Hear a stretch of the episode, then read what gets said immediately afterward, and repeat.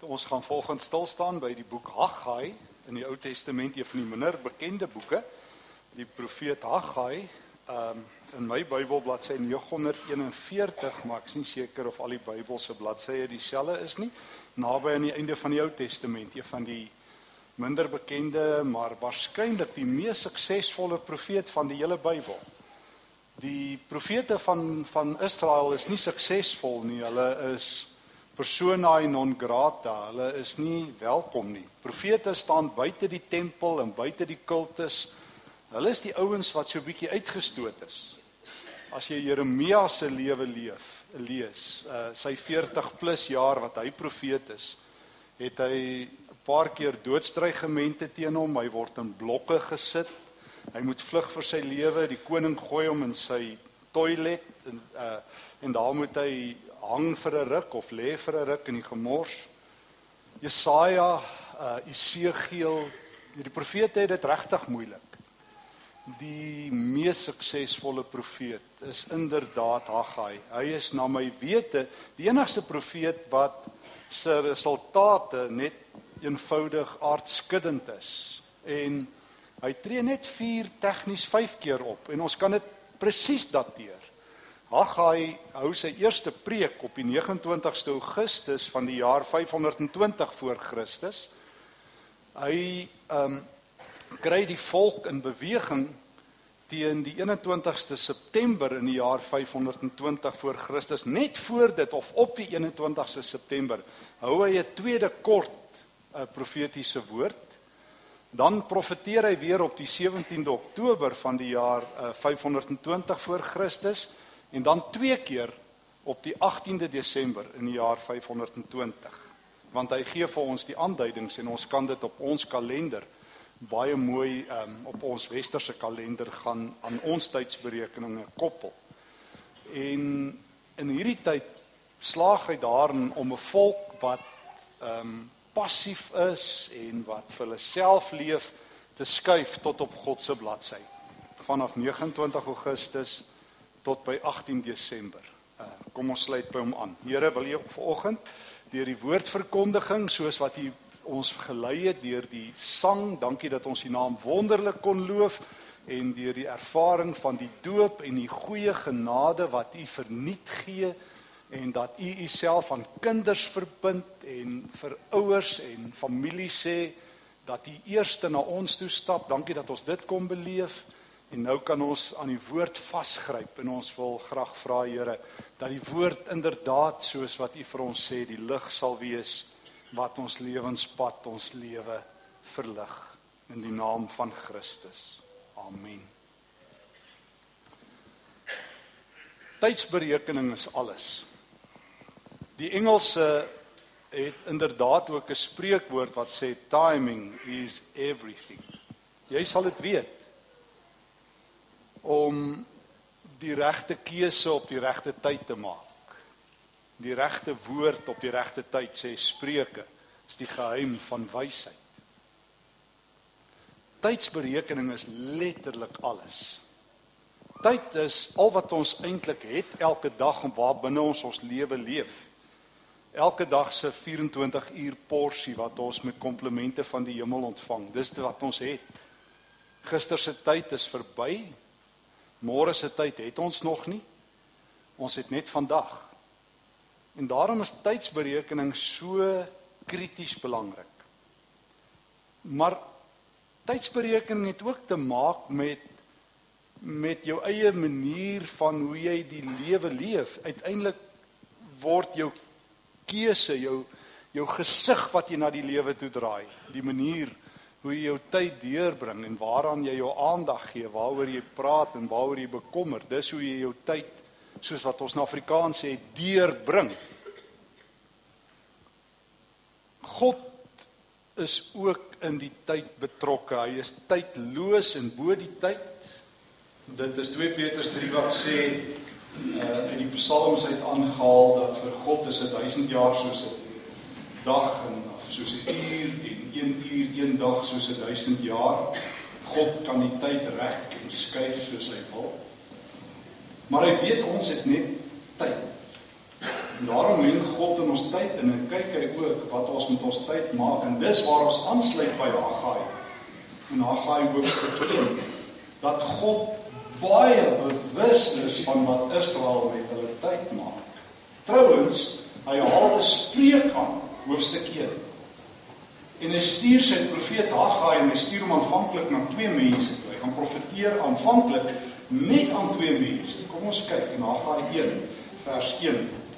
Die woord van die Here het deur die profeet Haggai gekom tot Zerubabel. Hy is die seun van Sealtiel en hy was die goewerneur van Juda en tot die hoofpriester Yeshua die seun van Josadak.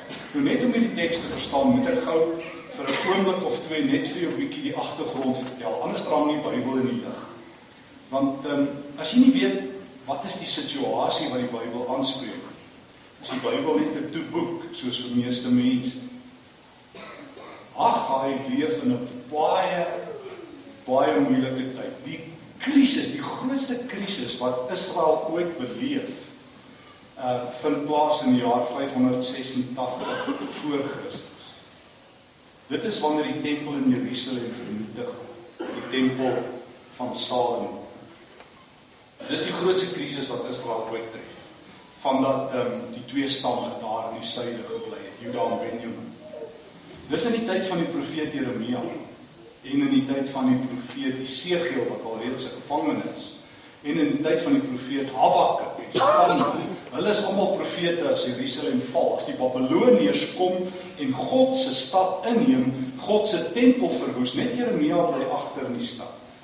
Hy weier om te vlug om want die Babiloniërs wil hom dan beloon omdat hy vir Israeliete gesê het dit gaan gebeur en alle valse profete het gekom en sê nee nee God sal sy gebou oppas Jeremia sê God gaan nie hy gaan hy gebou oorgee en julle moet bekeer en en toe word al die Israeliete vernietig dis amper die einde van Israel hulle word weggevoer as slawe na Babel toe die stad Babel Babilonië daar op die Kebarrivier En dan kom daar 'n nuwe wêreldmag, die Persiese ryk. En as die Perse onder koning Darius aan die bewind kom, dan het hy 'n nuwe beleid en dit is hy wil weer die die slawe terugstuur na hulle eie land toe om oor te begin. En dit gebeur in die jaar 538, soos 586, nou gaan ons af na 538 voor Christus. Word die Israeliete teruggestuur.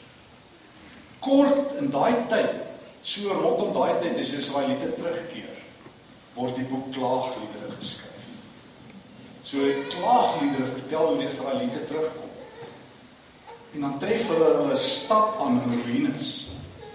Hulle tog hulle kom terug na stad en daar's niks oor. Is afgebrand. Heidene bly daar. Dit het 'n rowersnes geword. Vreemde mense regeer oor hulle. Dis 'n bitter, bitter boek. Dis nie sonder rede dat Klaagliedere met sy 5 liedere se naam Klaagliedere is. Dit is vir Israel om te sê, Here, wat het gebeur? Wat het verkeerd gegaan? Dis haglik. En dan in hierdie donker tyd waar die volk se hoop weg is. En jy weet hoe lyk mense wat nie hoop het nie, mense noem hulle hooploos. Dis die ergste ding wat ooit met jou kan gebeur as jou hoop weg is. 'n Hooplose mens is 'n ontnugterde mens, is 'n bitter mens, is 'n siniese mens, Jy het ooit gesien dat 'n hooplose mens lag, behalwe as hulle sarkasties lag. Jy het ooit gehoor dat 'n hooplose mens positief praat oor iemand. Hulle sien altyd donkerte eerste en in die middel en laaste. En dan rig God in die jaar 520 net vir 6 maande lank een profeet op. Ons hoor nooit weer van hom nie. Agga. In hierdie stad wat vernietig is waar God se Salomo tempel gestaan het vanaf 1000 voor Christus ongeveer tot en met 586 voor Christus en ons is nou by die jaar 520 voor Christus en dit is op die 29ste Augustus so word dit gedateer vir ons ehm um, uh, die letterlik staan daar in die Hebreëse teks soos in um, 1 vers 1 dit was op die eerste dag van die 6ste maand in die tweede regeringsjaar van koning Darius Oftewel 29 Augustus 520 voor Christus. Gaan hy op. En hy roep die goewerneur wat deur die koning Darius aangestel is om te regeer en die hoofpriester. En hy sê God het vir julle 'n boodskap. So sê die Here. En dan begin God by hoe Israel met hulle tyd werk. Nou haal God onmiddellik Israel se se opinie oor die tyd aan. Hy sê hierdie volk sê dit is nie nou tyd nie. Dit is nie nou die tyd. Dis 'n ding wat baie mense sê. Weet jy dis nie nou die regte tyd nie. Jy het dit ook al gebruik. Dit is nie nou die regte tyd nie. Dis nie nou die regte tyd om met my kind te praat, om met my vriende te praat. Dis nie nou die regte tyd om hierdie besluit te neem nie. Dis nie nou die regte tyd om dat te doen nie. Dis 'n bekende uitdrukking. Israel sê, dit is nie nou die tyd. Wat se tyd? Om die tempel te herbou. God se tempel lê in ruïnes en Israel sê, dis nou ons tyd. Dis nou 'n amper Afrikaanse woord geword, hierdie Engelse uitdrukking me time. Dis nou my tyd. Nou wil ek nie iemand in my lewe hê nie. Dis nou ons tyd. Here, kyk hoe lyk ons stad. Wil U nou hê ons moet die tempel bou? Kyk, Here, ons moet nou vir ons huise bou. Ons moet weer vir onsself 'n toekoms kry. Dis nou ons tyd. Me time. Julle sê dis nie nou die Here se tyd. Dis eintlik nooit God se tyd nie as mens nou eerlik is. Vir meeste mense kry God net die gapings. Miskien is dit nou jou gaping. Dalk het jy net die doop kom bywoon. Dalk is dit jou wie weet hoeveelste kerkbesoek, dalk die eerste een. Dis goue gaping gewees wat jy gehad het op jou program om by God uit te kom. Maar wanneer dit jou dagboek of jou beplanning of jou lewe nie pas nie, is dit my tyd, dan is dit nie God se tyd nie. En God weet dit, want God weet alles, want God is bo die tyd, maar hy's in die tyd en hy's altyd betyds. Hy daag elke dag op by die dag wat by elke dag wat die naam vandag dra. En daarom is God betyds in die tyd. En daarom weet God wat mense met tyd doen en daarom sê hy vir Haggai, hy gaan sê vir die twee leiers, dis die probleem. Dit is net eenvoudig dit. Dan sê God vir hulle nog twee dinge in hoofstuk 1. Ehm um, hy sê dink of soos die Afrikaanse vertaling dit vertaal ehm um, vers 3 en 4. Toe die woord van die eh, Here weer deur Haggai gekom op daai dag. Is dit nou die tyd vir julle om in pragtige huise te woon terwyl my huis in pyn lê? Daarom sê die Here: Neem ter harte of dink. Daai uitdrukking word twee keer herhaal, ook in vers 7. Dink wat met julle gebeur. Weet jy wanneer skuif jy? Wanneer jy jou kop gebruik. Weet jy wanneer skuif jy? Wanneer jy jou kop gebruik. Jy sal weet as jy nou al baie in die kerk was of min in die kerk is. Ek weet nie, dit maak nou nie saak nie. Dat inligting niemand verander nie. Weet jy wat verander jou? As jy iets nuuts hoor en jy begin dink daaroor. Selfs as dit jou baie ongemaklik maak. Ek het aldag vir die teologie studente toe ek nog voltyds daar by Tikkies dosent was geleer dat baie keer is die moeilikste preke jou beste preke. En ek sê nie moet mense ontstel nie, maar baie keer is dit dit. Want want 90% van preke hou jou so lekker in die slaap. Soos ek altyd sê, jy kan deur meeste preke slaap en niks oorkom nie. En ehm um, jy gaan ook waarskynlik nie.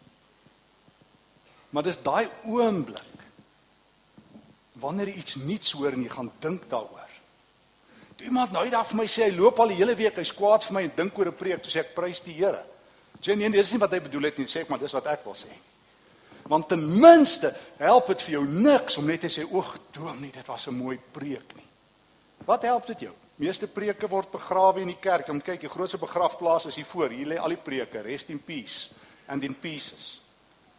Maar dis wanneer jy uitstap en God se woord aan jou karring en nog Dinsdag aan jou karring wanneer jy agterkom my tyd en God se tyd sinkroniseer nie dat iets gebeur. Dink sê die Here. Gebruik jou kop. Soos ek graag sê en al baie hier gesê het, meeste Christene is net suid van hulle koppe bekeer. Noord van jou van jou kop, van jou hart is jou jou territorium privaat eiendom, Here, bly uit my kop uit. Meeste van ons los ons koppe daar by die deure. Ons kom net in. Geen net ons harte vir die Here, maar die Here sê dink 'n bietjie. Israel, kyk 'n bietjie wat gebeur. Julle het geplant. Maar min, jy het gesaai vers 6, min geoes, jy het geëet, maar nie genoeg gekry nie, gedrink en dors gebly, klere aangetrek en nie warm geword nie. Dink 'n bietjie, lyk julle lewe vir julle lekker?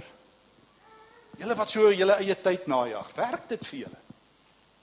Jy wat so jou eie lewe leef, wat dit so noukeurig beplan, wat so mooi weet hoe gaan die res van die jaar uitspeel, wat so jou toekoms beplan, wat so mooi weet wat jy alles moet doen. Wat selfs jou kinders en jou kleinkinders se lewens beplan. Werk dit vir jou? Hoeveel van jou planne werk uit? Daai planne wat jy so noukeurig maak, daai dagboek wat jy so noukeurig hou. Soos wat ek sê, meeste mense wat ek ken, hardloop hulle flou net om afsprake na te kom. Hulle is besig met besig wees. Dis wat al wat die meeste mense doen. Aan die einde van die dag kan hulle net sê ek het opgedaag. Ek bedoel jy moet die kerk, jy moet baie keer kyk hoe lyk Donnie se pastore se dagboeke. Hulle daag net op vir vergaderings. Dis al wat hulle doen. Dis al wat jy kan sê op die einde van die dag. Ek was toe by hierdie vergadering en daai vergadering. Ek vergader my dood. Ek lewe maar dink 'n bietjie of dit sinvol is, sê die Here. Dink 'n bietjie. Toe gebeur daar 'n merkwaardige ding. Toe gebeur daar 'n merkwaardige ding. Vir 'n slag luister iemand na die profeet van die Here. Gewoonlik gebeur dit nie. Ek bedoel jy moet nou gaan kyk as Jeremia preek. Hier sit vir koning Jojakim, Jojakim, een van die twee. Dan vat hy Jeremia se preke wat so geskryf is. En soos hulle dit vir die koning lees, gooi hy dit in die vuur en maak hy vuur met Jeremia se preke. Meeste mense is doof wanneer God praat. Maar hierdie twee ouens luister, sê Altiel en Yeshua. Hulle het gaan dink vers 12 Haggai 1. Toe het Zerubbabel, die seun van Sealtiel en hoofpriester Yeshua, seun van Josadak, ekskuus ek my reg op julle staan. Ehm um, Josadak en almal wat van die volk oorgebly het, ter harte geneem. Hulle het gedink letterlik wat die Here vir hulle gesê het. Hulle het gedink en en die volk was vervul met vrees met ontzag vir die Here. Van die mooiste woorde in die hele Bybel. Die volk het weer die vrees van die Here gehad, die ontzag vir die Here weer gebuig. Die geestelike artritis wat maak dat hulle nie so maklik voor God buig nie, is aangespreek. Die geestelike styfheid in die ligamente en in die geestelike gewrigte het 'n bietjie ontspan. Hulle het gehoor Hulle was vol. Hulle was vervul met ontzag vir die Here. Hulle was 'n slag leeg van hulle self. Hulle het gesê, Here, hier is my dagboek, hier is my kalender, hier is my lewe. Here, dis oop vir U. Skryf oor my lewe. Vul U my dagboek. Bepaal U my prioriteite. En toe sê Haggai en hier sê volgende profetiese woord vers 13. Dis waarskynlik hier rondom ehm um, so 21 dae later. Ek is by julle, sê die Here. 'n Eenlyner. Haggai dag weer op en hy en die Here sê vir Haggai, gaan sê vir my volk net een ding. Wat Here? Ek is by julle, sê die Here. Ek is by julle, sê die Here. Ek is by julle, sê die Here. Mense sê baie dinge oor God. Ons geliefde uitdrukking oor God is God is in beheer. Ons sing dit, ons sê dit vir mekaar seker om ons twyfel of hy is. Ek dink hoe meer mense dit dit sê hoe meer keer is dit eintlik maar net 'n vorm van ek weet nie eintlik of hy is nie, ek hoop maar. Maar vra vir God, wat sê God vir sy mense? Dis 'n beter vraag as wat sê God se mense oor God. Kan ek gou weer sê? Vra vir God, wat sê God vir sy mense as wat God se mense oor God sê? Dis 'n beter vraag. Jy het nie gehoor nie. Vra wat sê God vir jou? Eerder as wat sê jy oor God in Suid-Afrika? God sê vir jou en hy sê vir Suid-Afrika, hy sê vir sy kerk, ek is by julle. Net dit. Amen. Sê Agai. Net dit. Dis sy tweede profetiese woord van die vyf preke wat hy het. Ek is by julle. Waarskynlik op 21 September. Ehm um, September dat hy dit lewer in die jaar 500. Ek is by julle. O, dit is die mooiste woorde. Dis die woorde wat God vir Gideon sê. as hy hom opspoor as hy wegkruip daar in um, waar Rigter 6. Ek is by jou, dapper held. O, dis die woorde wat God vir Joshua sê in Josua 1, as hy vir Joshua roep om om in die plek van Moses sy volk te lei. Ek is by jou. O, dis die woorde wat wat Jesus sê as hy op die punt is om hemel toe te gaan in Matteus 28 vers 19 en 20 vers 18 tot 20 ek is by julle al die dae. Wat is die mooiste woorde wat God kan sê? Dis wanneer God sy hart op die tafel sit. Ek is by julle. Sê die Here. Want iets het gebeur met julle tydsberekening. En nou kan julle my sien want as julle tyd en my tyd oorvleuel dan kan julle hoor wat die Here sê. Ek is by julle. Die Here het toe vers 14 van hoofstuk 1 die hele volk aangevuur en hulle het aan die werk gespring en hulle die tempel begin herbou op die 24ste van die 6ste maand. Daar op die 21ste September. Ek is by julle. En dan op die 17de Oktober hoofstuk 2 kom die woord van die Here weer weer 'n keer na sy volk toe. En nou begin hulle die tempel herbou en hulle sukkel want hulle is arm en hulle het nie geld nie en hulle en dit lyk nie meer so indrukwekkend so Salomo se super tempel wat met geld en goud gebou is nie want hierdie volk is arm hulle hulle het niks nie. En nou vra die Here vir hulle as die woord van die Here na hulle toe kom in Haggai 2 vers 3. Wie van julle het gesien hoe mooi die vorige tempel was? Hoe lyk hierdie een vir julle? Dit lyk eintlik na niks nie. Maar vers 4 sê die Babel, skep moed. Yeshua skep moed. Skep moed. Hou moed sê die Here. Want eh, begin met die werk want ek is by julle. As julle tyd nou my tyd word en my tyd julle sin, dan kan jy doen wat jy moet doen want ek is by jou. Ek is by julle. Vers 5: My gelofte wat ek met die uittog uit Egipte gemaak het, sal ek nakom. My gees sal altyd by julle bly. Ek is by julle. Ek is by julle. Die mooiste woorde wat God sê, die derde keer dat hy dit sê, ek is by julle. Onthou jy toe Josef in die tronk was? In Genesis waar daar vanaf Genesis 37 tot 50 lees jy die Josef verhaal. En en Josef is 'n ou wat vir amper 13 jaar. Jy moet gaan kyk, hy sit amper 13 jaar in die tronk. Ehm um, onwettig. As daar een ouetjie is wat ongelukkig moes wees wat sy hele tienerjare of hy was 18 toe hy in die tronk beland het ongeveer en op ouderdom 30 het hy uitgekom. As daar een ou wat verbitterd moes gewees het in die Bybel, is dit Josef. 'n Groot deel van sy jong lewe is vermors omdat 'n vrou onreg aan hom gedoen het en hom in 'n tronk laat gooi het en almal van hom vergeet het. Maar weet jy hoekom was Josef nie bitter nie? Jy moet gaan kyk. Jy moet gaan kyk. Dit staan in die teks. Want die Here sê ek is by jou, Josef. Want die Here is in die tronk by Josef. Daar's geen donkerte te donker dat God nie daar kan wees nie. Of dink jy God vlug vir donker? Of dink jy God skrik vir Suid-Afrika? Of dink jy jou krisis is so groot dat God sê, "Sjoe, kom ons bly liewers weg." Of dink jy God gee op wanneer jy opgee. Dink jy nie God kan jou opspoor, jou spoor vat wanneer jy spoorloos verdwyn het nie? Dink jy nie wanneer jy van die radar af is dat ehm um, die hemelse radar jou nog steeds het nie?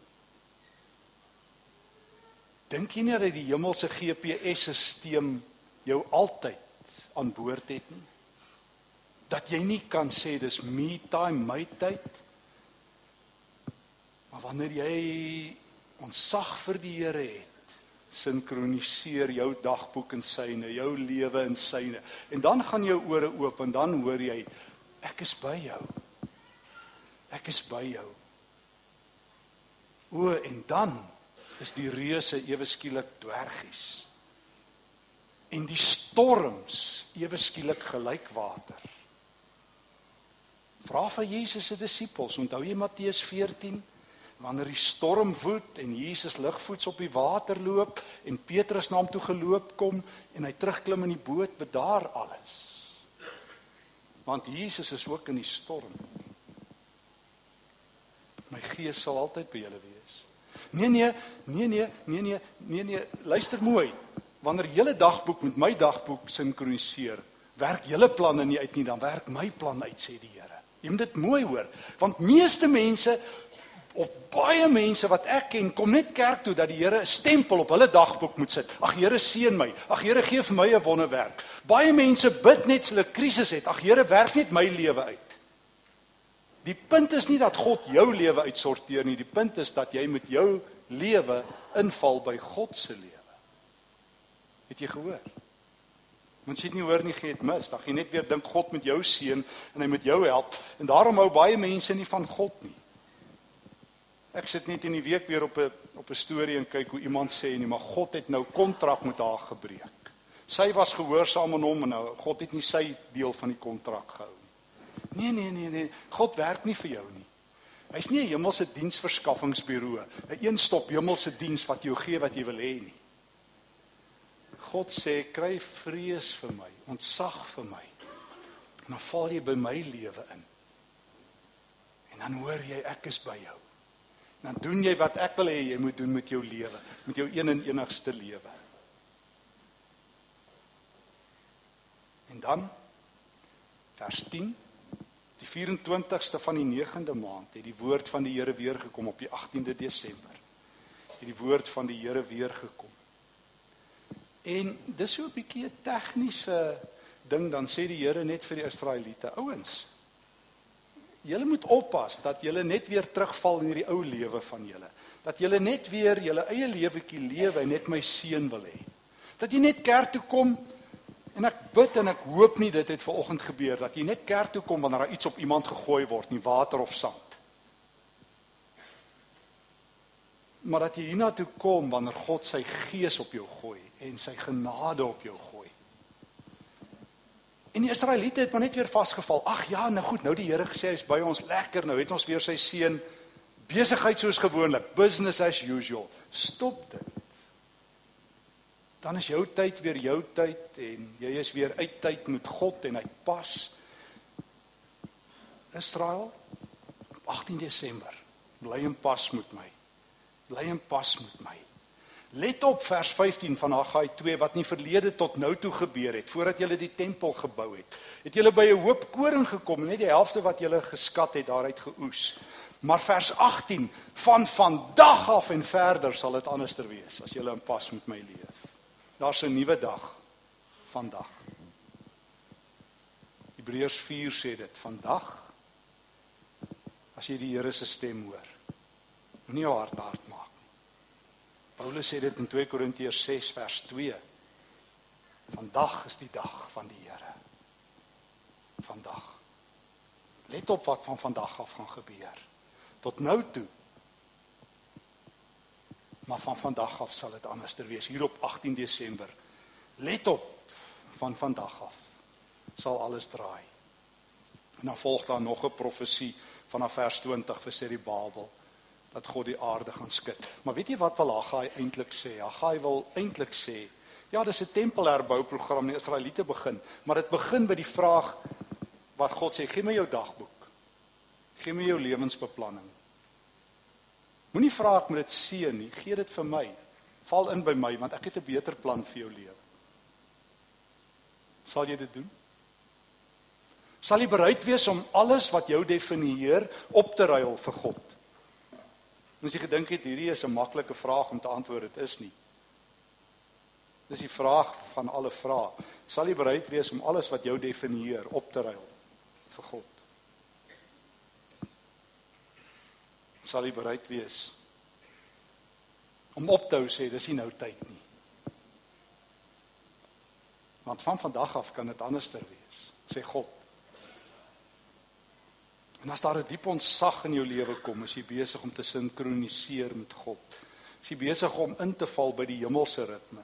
En as jy sinkroniseer met God, gaan jy oor en oor hoor, ek is by jou. Ek is by jou. Ek is by jou. Gaan jy die Heilige Gees hoor wat dit uitroep as jy hierdie week in die storms van Suid-Afrika ingaan? As jy jou eie lewe moet uitsorteer as dit donker is, gaan jy hoor, ek is by jou.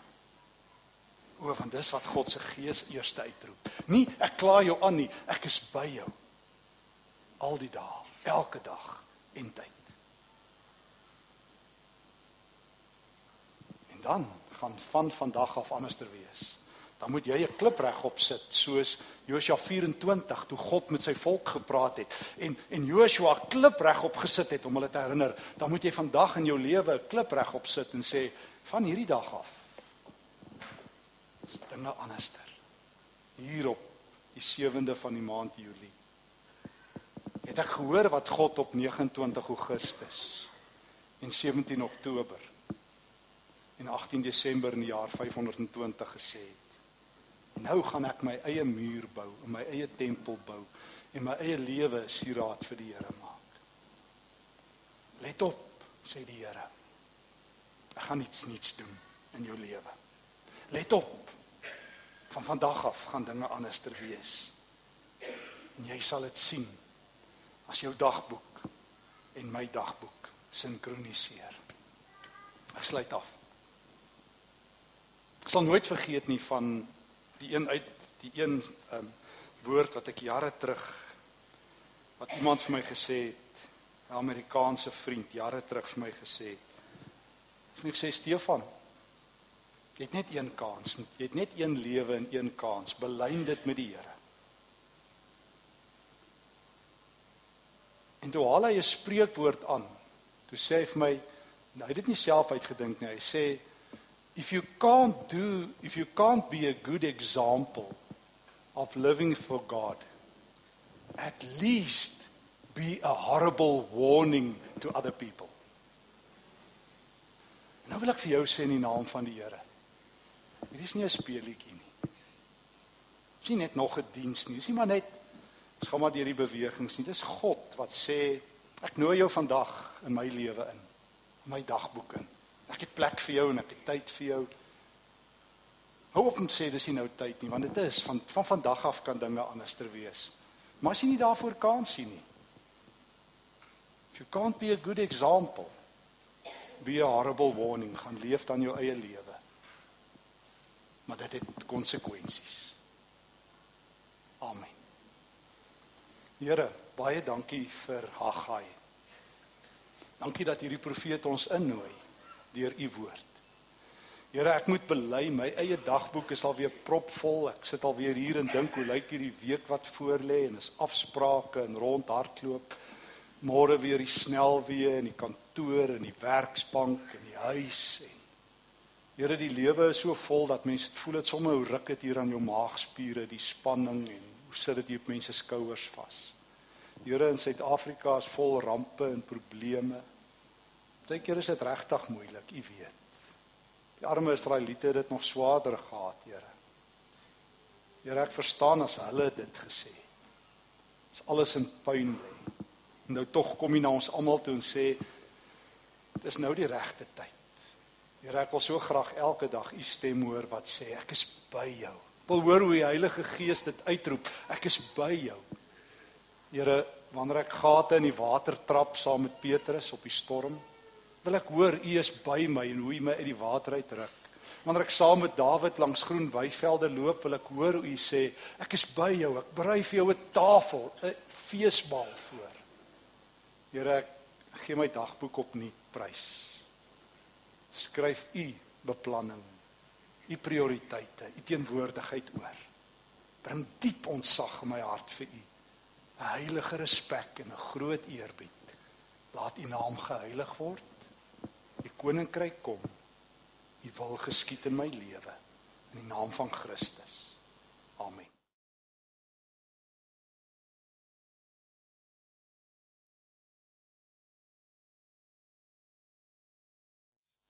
Kom ons staan en dan sluit ons dan ook ons diens af met hierdie lied. Dankie Karel en span.